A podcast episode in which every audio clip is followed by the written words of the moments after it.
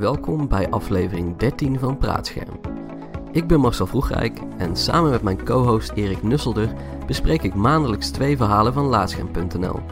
In deze aflevering praten we met Dirk Taal over zijn artikel De Yakuza-serie herbergt een onverwachte tederheid. Toen heb ik een demo gespeeld en dat was eigenlijk alleen maar gericht op mensen in elkaar mappen. Dus ik, het kwam ook heel onverwacht. Daarna spreken we met Thijs Kaagman over hoe het is om World of Warcraft met een controller te spelen. Daardoor heb ik veel meer van die game genoten dan dat ik de afgelopen jaren heb gedaan. Beide verhalen zijn op onze website terug te lezen of te beluisteren via onze andere podcast, Laatscherm voorgelezen.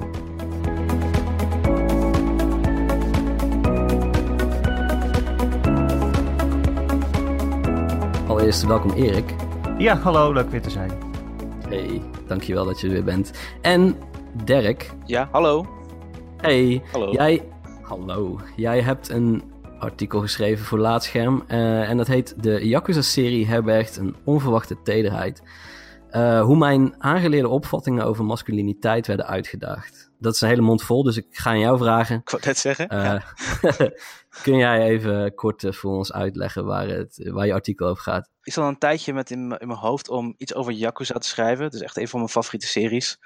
En een beetje een niche-serie die nooit echt heel erg voet aan de grond heeft gekregen. En toen ben ik even goed over nadenken, wat vind ik nou eigenlijk zo bijzonder aan Yakuza? En toen kwam ik al heel snel uit op het emotionele vlak, het, het, hoe het erg, dat het me aanspreekt, emotioneel. En toen ben ik dat gaan uitzoeken. En toen kwam ik opeens op, ja, het is een, hoe zij stoere mannen laten zien, hoe ze dat tonen, is ontzettend anders dan heel andere games. En ik denk, vooral omdat ik zelf heel erg met masculiniteit bezig ben, ehm, ik in therapie zit en heel vaak over emoties nadenk en hoe dat moet uiten, is, ja, ben ik heel snel bij die serie uitgekomen van, dat is inderdaad heel erg bijzonder.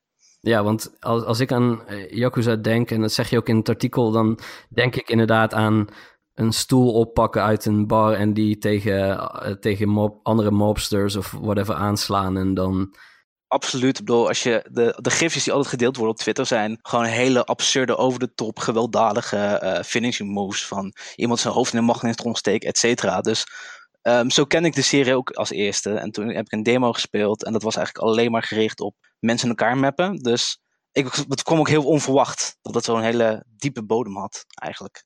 Ja, want hoe, hoe uit dat zich, eh, eigenlijk die, die, die, die kwetsbare kant die je dan beschrijft van, van mannelijke personages? Eh, ja, de kwetsbare kant is voornamelijk zeg maar, eh, het dialoog. Ik denk dat dat heel erg belangrijk is. Hoe ze met elkaar omgaan.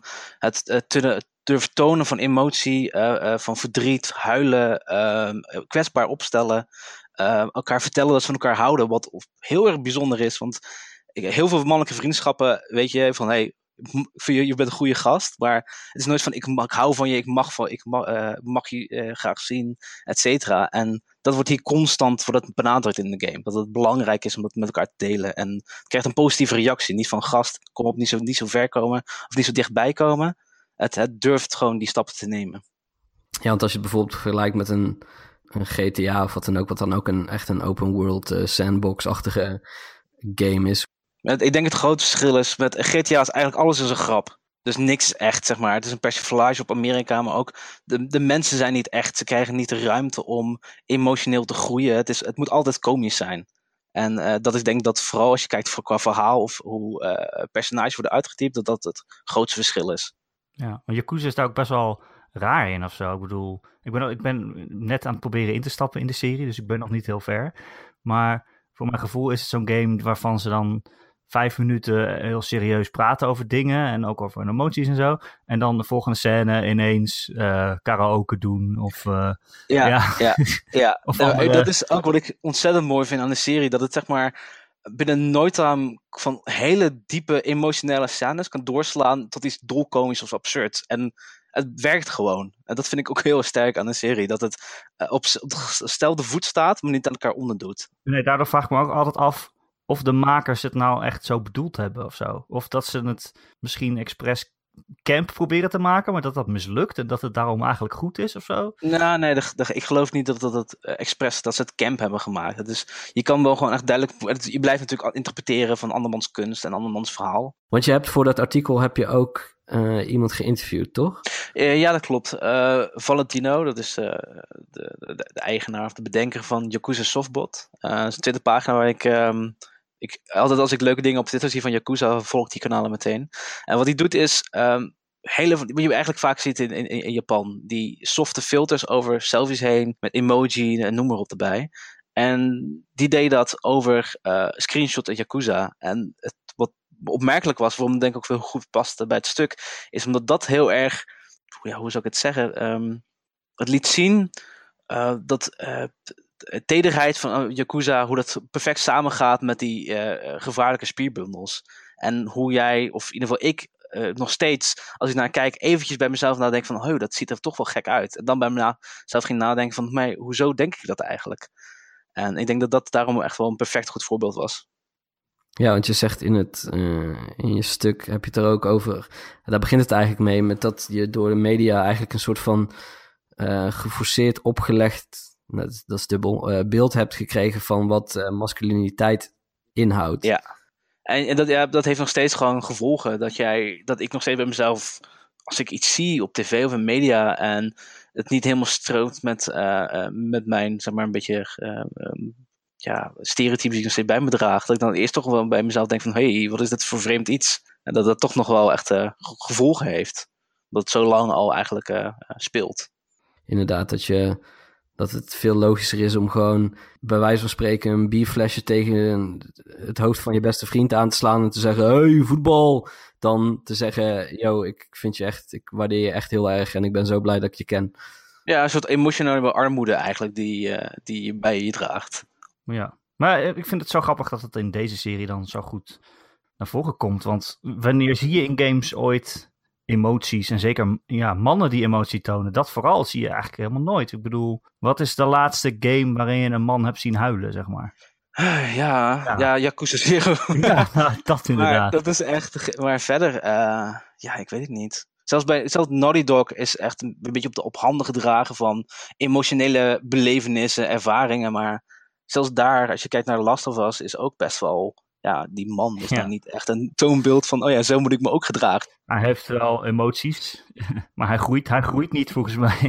Nee, hij heeft kort emoties, helemaal aan het begin, als uh, hè, er iets gebeurt. Ik weet niet of we mogen spoileren, dat is zo lang al geleden toch. Maar goed, dan laat hij emoties zien, maar verder in de game is het gewoon een beetje, ja, gegrom. En hij laat zijn emoties zien door heel erg giftig en uh, gewelddadig uh, zich af te reageren op andere mensen. Ja. Ja, en dat, ik vind het wel belangrijk, want je ziet nu wel, kijk, de game-industrie wordt steeds volwassener en steeds meer games willen een volwassen verhaal vertellen. Hè? Ik bedoel, kijk naar een God of War of zo, wat vroeger alleen maar geweld was en nu een soort van vader-zoon relatie wil vertellen. En nog steeds heel veel geweld. Ja, nog steeds heel veel geweld, daar niet van. Zelfs als we gegroeid zijn als industrie, dan nog hebben mannen uh, niet, ja, nou ja, wat ik zeg, ze, ze huilen nooit. Eigenlijk. Nee, het zegt wel best wel veel dat, maar, in, in interviews en de, Call of, de nieuwe Call of War, de reboot, weet je, gepresenteerd werd, dat ze een beetje ontdoen wilden aan die toxic masculinity, die giftige mannelijkheid. Maar als je kijkt naar Kratos in de hele game, is nog steeds gewoon iemand die echt, ja, wat is het? Weet je, eh, nauwelijks zeg maar, een schouderklopje aan zijn zoon kan geven. Dus wat leert het je nog steeds? Heel weinig.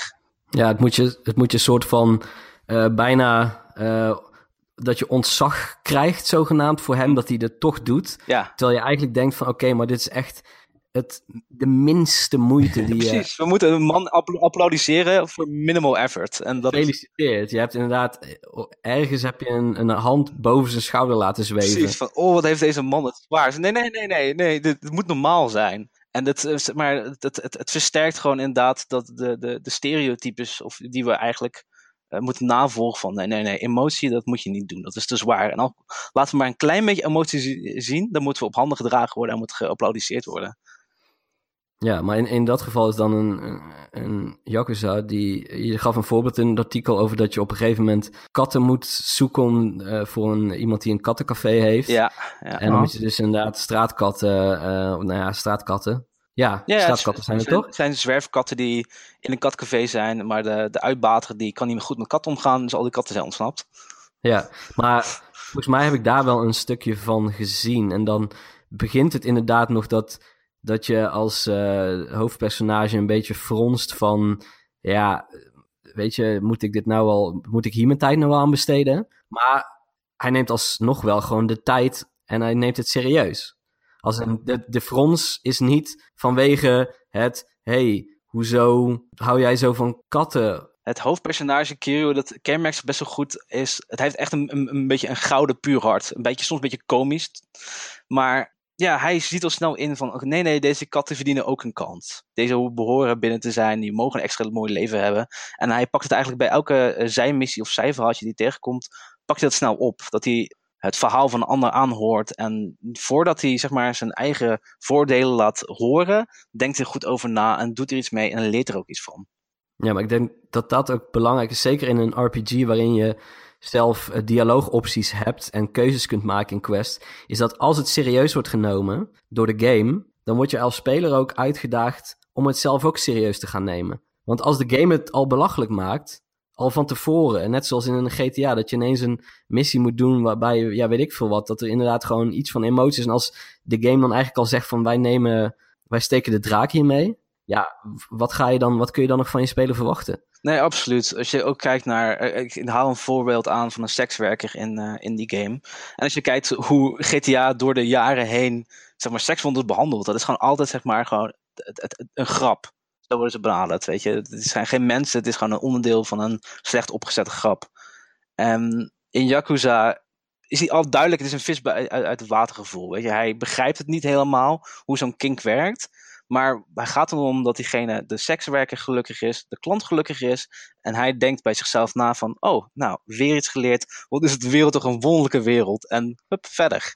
Ja, maar dat is, dat is top manier. Want dan, ja. inderdaad, dan heb je als speler nog zoiets van, oké, nou, dit ja, ik, ik ga erover nadenken ook. Ja, vooral omdat uh, heel vaak, ja, humor is humor en je moet niet zo offended zijn. Maar deze game, het is een super humoristische situatie, is heel grappig, maar zonder dat het ten koste gaat van iemand. Ja. Dat doet het heel goed. Van, je kan een grap maken over sekswerk en wat dan ook, zonder dat iemand gekwetst wordt. En dat, dat laat het heel goed zien. Wat zou het probleem zijn dat het zo weinig gebeurt in games eigenlijk? Is dat omdat het nog steeds dezelfde schrijvers zijn als tien jaar geleden. En ja, ik denk dat misschien wel een, een onderdeel van is. Ja, um... Toch een soort, bepaald soort mensen heeft getrokken de afgelopen jaren naar de game-industrie. En dat, ja, kijk, in de, in de indie games zal uh, ongetwijfeld veel meer dit soort dingen worden uitgeplozen. Ik bedoel, uh, ik speel ook niet alles, maar ja, in triple-A-games van grote uitgevers zul je dat nooit zien ik weet niet, het, is lastig om daar echt iets van te zeggen. Je weet natuurlijk niet wat die mensen, wat hun bezighoudt. Maar het is ook zoiets aangeleerd. Weet je, dat is wat eh, onbewust diep in mensen zit. Dus ja, en dat is zo waarom Yakuza dat natuurlijk toevallig opvalt. Van hé, hey, dat is niet zo, want de rest is wel zo. En ik geloof nog niet dat het allemaal kwaadwillend, kwaadwillend bedoeld is, maar ja, hoe doorbreek je die status quo? En dat is toch wel ja, nieuwe mensen, uh, nieuwe jong bloed, om zo maar te zeggen. Uh, gevarieerde, diverse schrijvers krijgen. Ik denk dat het misschien een groot verschil gaat opleveren. Ja, ik denk ook al dat in, kijk, een Game of God of War is genoeg mis mee. Want ondanks dat je inderdaad gewoon wat meer, nou ja, wat meer emotie te zien krijgt bij Kratos en die relatie tussen hem en zijn zoon, is alsnog gewoon ja, het, het feit dat de hele game uh, effectief neerkomt op dat je een reis aflegt wegens een dood personage, wat dan weer totaal niet in beeld komt. Het is, het is echt een, een vehikel uh, waar Kratos en Atreus dan weer iets mee doen. Wat ergens leuk en aardig is. Maar oké, maar kun je het ook zo schrijven dat ze daadwerkelijk een rol heeft. In plaats van dat ze een soort van vage entiteit is. Waar we dan maar van moeten aannemen dat die heel belangrijk is. Leuk en aardig, maar je kunt ook een personage schrijven dat daadwerkelijk een actieve rol heeft in het verhaal, zou je zeggen. Maar alsnog heeft het in ieder geval wel aangetoond dat je op grote schaal bepaalde scènes kunt stoppen in een spel. Die hun kracht ontlenen aan gewoon puur de, de emotionele impact. En niet de gameplay die eraan verbonden is. Want de sterkste momenten van die game zijn eigenlijk vaak wanneer het even die uh, gameplay loslaat. Uh, dan komt het het hardst aan, denk ik. Minimalistisch en hoe emotioneel uh, vlak de, de interacties tussen Kratos en zijn zoon ook zijn, zijn het toch wel de sterkste momenten. En dat zegt misschien ook wel wat. Ja, omdat je het zo zelden ziet dat het op zijn minst wordt aangepakt. En ook dat je een beetje, een beetje hunkert naar, weet je, naar dat soort uh, verhaallijnen of narratieven. Ja, dit is al een hele grote stap geweest. ja, dat, ja, precies. En dat is zo absurd eigenlijk. Dat, dat, dat zegt al genoeg hoe, la, hoe laag de lat ligt als dit zo alom geprezen wordt als een wow, dit is zo'n fantastische stap voorwaarts. Ja, van oh ja, het, het, al het geweld wordt in context geplaatst, maar ja. Ja, maar dat is ook een van de redenen dat The Last of Us nog steeds zo geprezen wordt als een van de beste games ooit gemaakt. Omdat, ja, het is een van de weinige games, van de grote games met een emotioneel verhaal, zeg maar. De, ja, meer zijn er niet zoveel andere. Um, ja, in de, zeg maar de grote, de, de miljoenenindustrie, nee, ik kan niet 1, 2, 3 eentje noemen eigenlijk. David Cage probeerde het altijd wel, maar dat is tot nu toe ook niet heel erg uh, geslaagd. Ja, maar die snapte dan weer heel weinig van doorgaans. Ja, dat is ook weer waar. Ja, kijk, bij sommige games die blijven een beetje ergens in het midden hangen. Net zoals een, een, ja, een Assassin's Creed of zo. Die, die ja, weet je, dat, dat doet wat het doet. Maar daar heb ik dan ook iets zo van, ja, oké, dit draait toch vooral om de setting en wat je daarmee kan. En dat is het historische is vaak eigenlijk een soort van het grootste personage. Dus daar vind ik het dan niet zo'n probleem of zo. Maar... Nee, het ligt aan hoeveel, hoeveel waarde de, de, de ontwikkelaar ook zelf, de, hoeveel nadruk op het verhaal wordt gelegd. Ik denk dat dat ook uh, het gelijk duidelijk maakt waar de, waar de problemen liggen. Ja, maar bijvoorbeeld een, ja, kijk, een serie waar ik alleen om kan lachen is Gears of War. En die loopt ook al heel lang. En dan denk ik echt van ja, maar sorry, dit. Ik kan het gewoon niet serieus nemen. Omdat het gewoon zo. Het is zo. Het doet, het doet me zo weinig. Omdat het gewoon echt. Ja, wat, hoe moet ik die mensen serieus nemen als ze zo kolderiek, mannelijk. Ja, gewoon de, de Dubro shooter, hè? Ja. Ik heb, uh, even kijken, ik denk vorig jaar heb ik al die games uh, voor het eerst gespeeld. En het is inderdaad van, ja, ze proberen, ze pogen wel een soort emotionele impact te zorgen met, tussen de personages, maar je kan er niet echt heel erg serieus nemen. Nou ja, ik kan er soms nog wel van genieten hoor, van zo'n dude pro shooter, maar het is wel, ja, je weet wel wat je krijgt natuurlijk. Ik vind Gears of War hartstikke leuk, maar ik ben ook iemand die houdt van afwisseling. Dus ik heb niet altijd zin in alleen maar stoere mannen geschreeuw. En die andere kant uh, heeft echt wat te weinig aandacht, zou ik zeggen. Wat, wat God of War toch wel laat zien is van het kan allebei. En ik denk, vooral als je kijkt hoe God of War vroeger was en hoe het nu is, maar het is niet waar het zou moeten zijn, maar het is mogelijk. En dat denk dat dat wel heeft laten zien. Van we kunnen meer vragen. Zelfs Assassin's Creed, zelfs Assassin's Creed zou beter kunnen of misschien moeten. Ja, maar dit is inderdaad op zijn minst dat je inderdaad weet van oké, je, je hoeft inderdaad niet je hoeft niet te kiezen. Je krijgt niet gelijk een of andere eh, eh, game waar het puur om emotie dra eh, draait als je dat probeert te verwerken in je verhaal. Nee, precies. Het, je, kan, je kan en een leuke gameplay en je kan humor en je kan over de top uh, geweld hebben en je kan inderdaad dat uh, progressieve emotionele lading kan je hebben. Ja, en dat heeft Yakuza dus allemaal. Ja, volgens, volgens mij. Ja, nou, ze hebben net de voor 3, 4 en 5 HD-versies, eh, remasters aangekondigd, toch? Ja, heel erg, heel erg blij mee. Dus dan zijn 0, 5, 6. Oh nee, 5 niet dan. 1, Welke zijn allemaal te spelen dan? Op de PlayStation 4? Ja. Zero, 1 is een remake van, 2 oh, remake komt in augustus. En dan 3, 4, 5 en 6. Dus heel veel. Oké, okay, dus... Genoeg te spelen voor iedereen. Ja, op zich, als je nu begint... Dan ben je PlayStation 5 ongeveer weer klaar.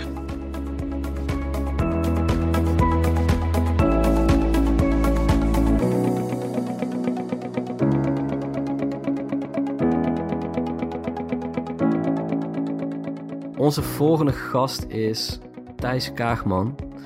Uh, welkom Thijs. Hoi. Ook de eerste keer voor jou in de podcast, net als Dirk. Ik vind het super spannend.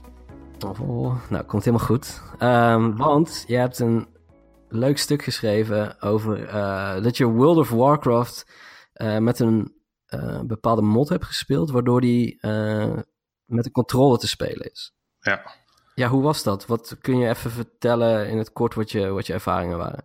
Nou, allereerst is de ervaring dat je echt uh, twee of drie dagen de tijd moet nemen om uh, er volledig aan te wennen. Want die game is gewoon niet bedoeld om op die manier te spelen.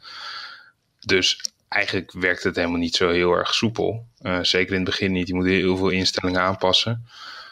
voordat het überhaupt een beetje werkt allemaal. Maar daardoor ga je, wat eigenlijk de kern van mijn verhaal is, daardoor ga je heel langzaam en wat bewuster spelen dan dat je normaal doet. En daardoor heb ik veel meer van um, die game genoten dan dat ik de afgelopen jaren heb gedaan. Ja, want je speelt hem al jaren um, af en aan, zeg maar, steeds weer een beetje bij uh, nieuwe expansions en zo. Vrijwel sinds de release eigenlijk. Uh, ja, af en aan inderdaad. Zo af en toe neem ik even een paar maanden pauze. Maar ik heb elke expansion wel, uh, wel redelijk veel gespeeld, ja. Ja, en natuurlijk is die game sinds de lancering in 2004 alweer um, is behoorlijk wat veranderd. Ook heel erg gestroomlijnd. Dus um, als je hem nu speelt op de computer, uh, gewoon met een muis, een toetsenbord, dan, ja, dan kun je bijna achterloos door het spel heen. Gewoon zonder op te letten, want alles wordt voor je geregeld bijgehouden. Je krijgt op de perfecte momenten ben je, krijg je weer nieuwe equipment en dingen, et cetera. Dus dan kun je tot het einde gewoon zo doorkachelen zonder ook maar iets van tegenstand te merken, Mhm. volgens mij. Ja, nu, nu moet ik zeggen dat ze, ze hebben onlangs een nieuw patch uitgebracht. Waarbij ze ehm, alle gebieden passen zich automatisch aan aan jouw level. Dus alle monsters en alle quests en de, de eh, beloningen die je daarvoor krijgt, die passen zich aan aan jouw level. Eh, wat aan de ene kant het gevolg heeft dat eh, dingen vaak net even iets moeilijker zijn. Want de vijanden, je wordt niet veel beter dan de vijanden waar je tegen vecht op dat moment. Dus het wordt iets moeilijker, maar tegelijkertijd hoef je dus echt nog minder na te denken over waar je precies heen gaat en wat je precies doet. Want eigenlijk is alles goed. Je kan gewoon die wereld inlopen, de eerste quest die je tegenkomt oppakken en vanaf daar gewoon doen wat je wilt. Ja, maar ik, ik kan me zo voorstellen dat het inderdaad met een controller ehm, compleet anders is. Ehm, kun, je, kun je omschrijven hoe dat eigenlijk vanaf het begin, welk, welke elementaire dingen die je kent van World of Warcraft, zoals ehm, je inventory, eh, het, het beheren van de, ja, het eigenlijk het uitkiezen van de verschillende skills die je hebt en die je kunt gebruiken tijdens combat, hoe dat, hoe dat allemaal gaat als je het met een controller speelt. Nou, wat je, ehm, waar eigenlijk aan moet denken, en wat ik me nooit zo heel erg realiseerde als je een console game speelt, neem bijvoorbeeld Assassin's Creed, eh, die laatste bijvoorbeeld. Daar heb je ook equipment en je hebt quests en je hebt een, een kaart waar je dingen op kan bijhouden. Ehm, om daarbij te komen moet je de game als het ware op pauze zetten. En druk je op, op start of op options. En dan opent er een menu met verschillende tabbladen met daarin de kaart en je inventory en je quests en weet ik het wat allemaal. Um, in World of Warcraft heb je dat niet. Daar zijn het allemaal losse venstertjes die je over de spelwereld heen opent. Dus je kan je questlog en de map en... Uh, of nou, dat is tegenwoordig één ding trouwens. Maar uh, je kan de map en je inventory en je character screen... kan je allemaal tegelijkertijd open hebben. En dat werkt niet zo goed als je met een controller speelt. Dus ze hebben een soort van nieuwe interface bedacht... waarin alles in zo'n pauzemenu zit. Wat je eigenlijk al jaren kent. Maar je bent het niet gewend van World of Warcraft. Ze zouden dat, die game best wel kunnen optimaliseren voor consoles en zo, denk ik toch? Als ze zouden willen. Of, voor- of voor controllers. Ik bedoel, ik heb een tijdje Final Fantasy XIV gespeeld. Dat is ook zo'n grote online eh, MMO. En eh, die, ja, ook op, gewoon op console met een controller. En dat vereist wat eh, ja, creatief menu, eh, menus verzinnen en zo. Ik bedoel, elke knop heeft iets van drie verschillende functies. eh, als je het een beetje goed wil spelen. Maar het werkt wel. Ja, ja dat, is, dat is hier dus ook zo. Je, hebt, je kan je al je skills en allemaal dingen kan je op je controller hotkeyen, zeg maar. En dan je linker triggers en je linker schouderbutton zijn een soort van ehm, modifiers. Dus je, je kruisje is één functie, is een soort van shift. Dus als je, eh, eh, op je kruisje drukt is normaal springen, maar als je je linker trigger indrukt, dan is kruisje ineens heel iets anders. En op die manier eh, is, het, is het, de combat werkt echt best wel goed. Ook omdat de game is natuurlijk al zo oud, dus alle skills zijn precies op elkaar aangepast en je, er zitten geen rare eh, de, de flows van de gevechten zijn heel logisch eigenlijk tegenwoordig. Dus dat werkt best wel goed met een controller. Maar het is vooral die interface die gewoon net even wat moeizamer werkt. Ja, en je kan niet typen natuurlijk. Dus het is toch Nee, een heel daar- sociaal daar- ding ook. Daar zit inderdaad, eh, daar hebben ze wel iets op bedacht. Dat je met je controller een soort van ook ja, soort van keybindings kan doen waarmee je dan kan typen en zo. Maar ik heb het niet eens geprobeerd. Ik dacht, eh, dan, dan maar niet sociaal zijn terwijl ik met een controller speel. Dat komt dan wel weer als ik een toetsenbord erbij heb liggen. Want dat was echt niet te doen. Wat ik nog wel ehm, grappig vond aan, aan wat je zei in je verhaal, is dat, eh, je, dat ze met die mod ook een soort. Nee, er is nog een tweede mod, en die heet Immersion, geloof ik. Toch? Ja, klopt. En die zorgt ervoor dat eh, de, de tekst in de quest als dialogen worden voorgelezen, alsof je een gesprek hebt met eh, de opdrachtgever. Ja. Nou, wat jij omschrijft in World of Warcraft, wat je vroeger deed, was inderdaad gewoon bam, een klik, klik. En je ziet wel ergens een marker of wat dan ook en je rent er achteraan. eh, dat is precies wat ik deed. Ik, ik rende gewoon ergens richting iets op de map. En dan zag ik waarschijnlijk ergens rechts in het scherm dat ik 0 van de 10 iets had. En daar moest ik er dan 10 van verzamelen. En dan uh, gebruikte ik mijn uh, uh, Hearthstone. Ja. Ja, toch? Ja. ja. Oh ja, dat komt daar vandaan. Gebruikte ik mijn Hearthstone om terug te gaan naar de stad en dan leverde ik het in. En verder Ja. had ik geen idee wat ik juist gedaan had. Gewoon Nee, nul. dat, dat was een beetje de game inderdaad, jarenlang. Gewoon een dorpje inrennen, alle gele uitroeptekentjes afgaan, gewoon blind accepteren. En dan de wereld ingaan en maar kijken wat je tegenkwam. En, eh, en dat is allemaal eh, best wel gestroomlijnd nu. En door, zo'n, door dat immersion inderdaad heb je nog meer de neiging om eh, even dat gesprek toch even te lezen. Omdat het maar drie, drie of vier regeltjes per keer zijn of zo. In plaats van in één keer zo'n lab tekst op je scherm krijg je het in, in hapklare brokjes. En daardoor ben je veel meer geneigd om even stil te staan en even te luisteren naar wat die persoon te zeggen heeft. En dan kom je er dus achter dat er best wel goede verhaallijnen in die game zitten.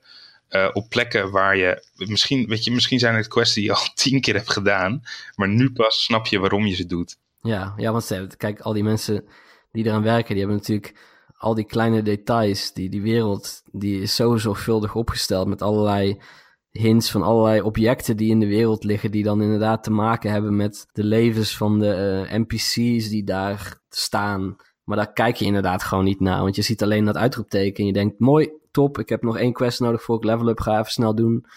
Maar ik vind het wel typisch dat toen die game net uitkwam, toen was er helemaal geen interface eigenlijk, behalve de standaard dingen. En toen kreeg je allemaal van die, van die mods die je kon downloaden.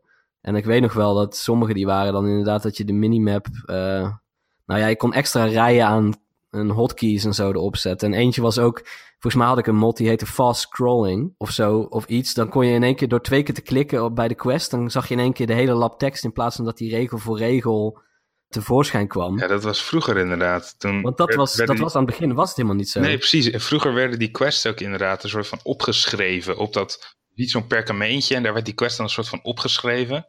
Eh, en toen kwamen inderdaad mods die dat verhielpen. En toen dacht Blizzard op een gegeven moment van, nou, dit slaat ook eigenlijk helemaal nergens op. Dus hebben ze het als soort van standaard functie gemaakt.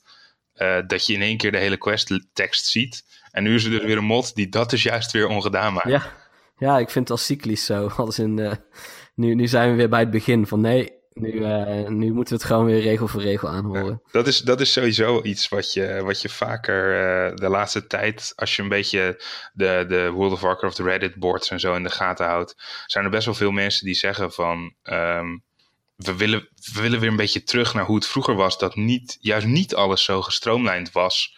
En dat is ook de reden eigenlijk wel dat ik, of een van de redenen dat ik op zoek ging naar die, naar die console, die controller mod. Omdat ik zoiets had, ik ga eigenlijk te snel door die game heen. Uh, en ik wil er wat meer van genieten. En uh, dat is wel een sentiment wat je vaker tegenkomt de laatste tijd. Want het is wel leuk om zo'n game die, uh, waarvan je denkt dat je hem al zo goed kent, om die op een nieuwe manier te beleven eigenlijk ook. Ja, ja zeker weten. Toen laatst hem net lanceerde, toen had jij een artikel dat heette uh, Op zoek naar mijn nostalgie.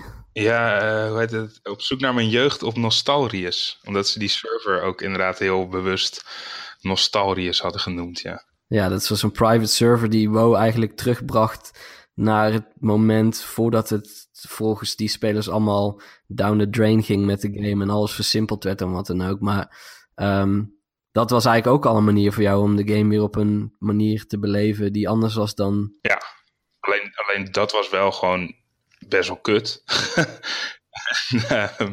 die, die console mod is net, net leuk genoeg om het een kans te geven. En tegelijkertijd maakt het het dus wel iets moeilijker, waardoor je dus iets, uh, iets meer moeite moet doen en iets trager door die spelwereld heen gaat. Ja. Kijk je uit uh, naar um, de door Blizzard aangekondigde servers die, of ik weet niet wat het precies is, ja, maar het is in ieder geval een soort van... Classic servers inderdaad die uh, maken. Ja, ik, ik, heb er, ik heb er dubbele gevoelens over. Um, want ik heb toen op dat Nostalrius ook wel meegemaakt. Dat werkte stiekem best wel goed. Er waren wel wat bugs hier en daar, maar uh, ze hebben best wel trouw die, uh, die, die klassieke ervaring kunnen nabootsen. En ik merkte gewoon dat het, het past niet meer in deze tijd. En het past ook zeker niet meer bij mij om zoveel moeite te moeten doen voor een game. eh, om echt uren te spelen eh, om, om level 20 te bereiken. En dan ben je nog steeds nergens. Hebben jullie wel eens dat je nu een game expres op een andere manier gaat spelen? Om, ja, omdat je gewoon er iets nieuws in wil beleven? Nou, Erik. Wat een uh, goed bruggetje is dit naar het verhaal Ja. van Marcel, ja. Ja, nou heb ik het heel toevallig voor laatst hem ook iets geschreven onlangs. Over dat ik de recent verschenen game God of War zonder hut heb gespeeld. Dat was puur omdat volgens mij aan het begin van die game je de optie krijgt. En normaal staat alles gewoon standaard aan, volgens mij. En ik kan me herinneren dat het hier soort van wordt aangeboden van... hey, wil je de immersive experience of gewoon de hut aan met alle toeters en bellen, health bar, et cetera, map, eh, kompas, whatever. Eh, en toen dacht ik, hm, weet je wat? Ik ga het gewoon proberen. En sindsdien ben ik heel pretentieus het gewoon vol blijven houden, omdat ik dacht, nou, hier kan ik vast een leuk stuk over schrijven. Maar ja, het was daadwerkelijk wel een interessante manier om die game te spelen, omdat je dus gewoon, ja, je hebt geen idee wat je health is en dat is al best een ding. Want je weet daardoor ook niet hoeveel damage vijanden doen. En daardoor weet je niet hoe sterk vijanden zijn. In die game is ook een. Onder de health bar van vijanden staat een indicatie hoe moeilijk ze zijn. Maar die heb je ook niet. Dus ineens is ieder gevecht in potentie vrij levensbedreigend. Zeker omdat ze in de game nog wel eens een neiging hebben om dezelfde soort vijanden te uh, recyclen. Maar dan tien keer moeilijker. Is er wel een soort van visuele van aankondiging van hey, dit zou wel eens een moeilijk gevecht kunnen zijn, doordat hij weet ik van extra groot wapen heeft of ja, ja je, je leert wel de gevechten herkennen waarvan je denkt, oh, dit kan wel eens heel moeilijk worden. En sowieso zegt je zoon uh, in die game, Atreus, die kondigt soms ook aan van, wow, they look strong of zoiets. En, en als je dan bijna dood bent, dan zegt hij, you don't look so good. En hij, hij zegt ook van, hey, kijk uit achter je. Normaal in de game heeft hij ook een... De game heeft een soort, als je de hut aanzet, heeft een soort pijlen die je om Kratos heen ziet. Ja, zo'n Spider-Sense-achtig ding. Ja, en die geven dan aan waar een projectiel vandaan komt of een, een, een aankomende aanval van een tegenstander. Um, die zijn er dan ook niet. Maar Atreus zegt dus inderdaad wel van, yo, kijk uit achter je. En dat zijn dingen die je... Ja, normaal zou je gewoon je blind staren op die prompts op het scherm van oh shit, mijn health. Of uh, oh, ik zie een rood pijltje links, dus ik ga maar links iets doen. En hierdoor ben ik, was ik echt gedwongen om te gewoon inderdaad goed te luisteren naar Atreus. En ook, ik ging veel voorzichtiger spelen. Uh, en dat zorgde ervoor dat ik ook een heel andere speelstijl dan volgens mij de meeste mensen heb gekozen. Waarbij ik echt gewoon alleen maar, ja, voornamelijk skills heb met, met een schild, wat dan mensen weer weg van me weg kon slaan. En dat ik eigenlijk een soort van continu ruimte om mezelf creë creëerde. Zodat ik niet overweldigd werd. Want ja, ik had geen idee hoeveel ik damage ik nog kon incasseren. Dus was het voor mij lastig om gewoon met een bel rond te gaan slaan. En ook zonder kompas was het dus ook echt gewoon kijken in de wereld van oké, waar moet ik naartoe? Kijk, tot op zekere hoogte soms moest ik gewoon echt de map openen. En dan krijg je gewoon een grote map om te zien van oké, daar moet ik heen. Maar dan alsnog ging ik vervolgens wel afgaand op bepaalde landmarks in de wereld van oké, dan moet ik er zo heen. Uh, en het scheelt dat op een gegeven moment heb je gewoon een gigantisch ding in de wereld waar je gewoon, dat zie je ten allen tijden. Dus dan kun je altijd zeggen van oké, dan moet ik ongeveer schuin rechts van dat gigantische ding zijn. En dan weet ik wel hoe ik er moet komen. Kan je die, uh, die interface elementen ook per stuk aan of uitzetten? Of is het echt alles of niets? Nee, dat kan per stuk. En dat is ook volgens mij een van de eerste games, naar mijn weten, of in ieder geval grote games, die dat zo individueel toestaat. Dus je kunt echt heel veel dingen gewoon uh, inderdaad zeggen van oké, okay, maar dit wil ik wel, maar dit dan weer niet. Ja, je kan volgens mij zelfs aanzetten dat als je de touchpad aanraakt, dat hij dan wel even de hut laat zien en dat hij daarna weer verdwijnt. Ja, dan scheelt het dat deze game ook echt gemaakt is met het idee van oké, okay, dit is iets, uh, ja, iets cinematic. Dus dit moeten mensen eigenlijk beleven zonder dat er te veel uh, rommel in het scherm staat. Had uh, The Last of Us ook niet zo'n soort... Er staat me iets van bij dat The Last of Us dat ook had. Zo'n cinematic experience waarbij heel veel ja. elementen werden uitgezet. Ja, maar daar heb ik hetzelfde geprobeerd en het daar dan weer voor mezelf verpest. uh, omdat ik dus ook inderdaad al die elementen uitzet en dacht van ja, oké, het is helemaal niet realistisch dat ik met een knop kan zien waar vijanden zijn, want zo werkt het niet. Ja. Maar je had uh, natuurlijk die echolocation of zo. Ja, dat had ik uitgezet, omdat ik dacht, ik ga voor de ervaring waarbij ik daadwerkelijk moet luisteren mm -hmm. waar ze zijn en niet moet zien waar ze zijn. Maar toen bleek dat die game onmogelijk werd voor mij, want dan ga je dus continu dood. Jammer. Maar ik heb uiteindelijk uh, God of War wel echt helemaal zonder hut uitgespeeld. Alleen voor de endgame uh, heb ik het toch maar weer aangezet, want dat was gewoon niet te doen. Daarvoor moest ik echt wel weten van oké, hoeveel health heb ik nog. Ik vond het in uh, Nier Automata heel leuk, Marcel, om jouw favoriete game maar even te stelen. Daar zijn de HUD-elementen zijn eigenlijk een soort besturingsprogramma. Want je speelt een robot in die game. En alle HUD-elementen zijn stukjes besturingsprogramma die op chip staan. En die zitten ingeplucht in jouw robot. Maar dat kost wel uh, ja, rekenkracht en geheugen. Dus als je bijvoorbeeld uitzet, de, chip eruit haalt, dat je de HP van, van tegenstanders kan zien. Ja, dan zie je die niet meer. En dan heb je ook nog eens meer ruimte om ja, andere vaardigheden in te pluggen. dat vond ik wel heel grappig. Dus als je dan de hut voor jezelf uitzet, hoe meer dingen je uitzet, hoe meer ruimte je hebt om, om andere dingen in te pluggen. Ja, wat, ja, slim, wat kan ik zeggen? Dat... Daar, heb je zeker, daar heb je zeker weer niet zo gespeeld. Nee, nee, dat, uh, dat vond ik ook wel interessant. Ik vind dat een hele leuke, leuke manier, of een leuke benadering. Want dan krijg je daadwerkelijk nog iets voor terug als je soort van... Je levert iets in, informatie, maar het geeft je inderdaad wel de mogelijkheid om dat op te vangen met bijvoorbeeld meer ja, meer damage of wat dan ook. En dat, ja, dan, dan kun je een eigen speelstijl creëren. Ja, die moet ik ook maar eens gaan spelen, denk ik, hè? Ja. ja, sowieso. ik, ben, ik ben überhaupt verbaasd dat uh, Marcel nog met mij omgaat, uh, ondanks dat ik uh, Nier Automata niet heb gespeeld. Ja, nou ja, dat kan ook een interessante manier zijn om eens een game te spelen. Dat je hem puur speelt om onze vriendschap te redden. Ja, precies.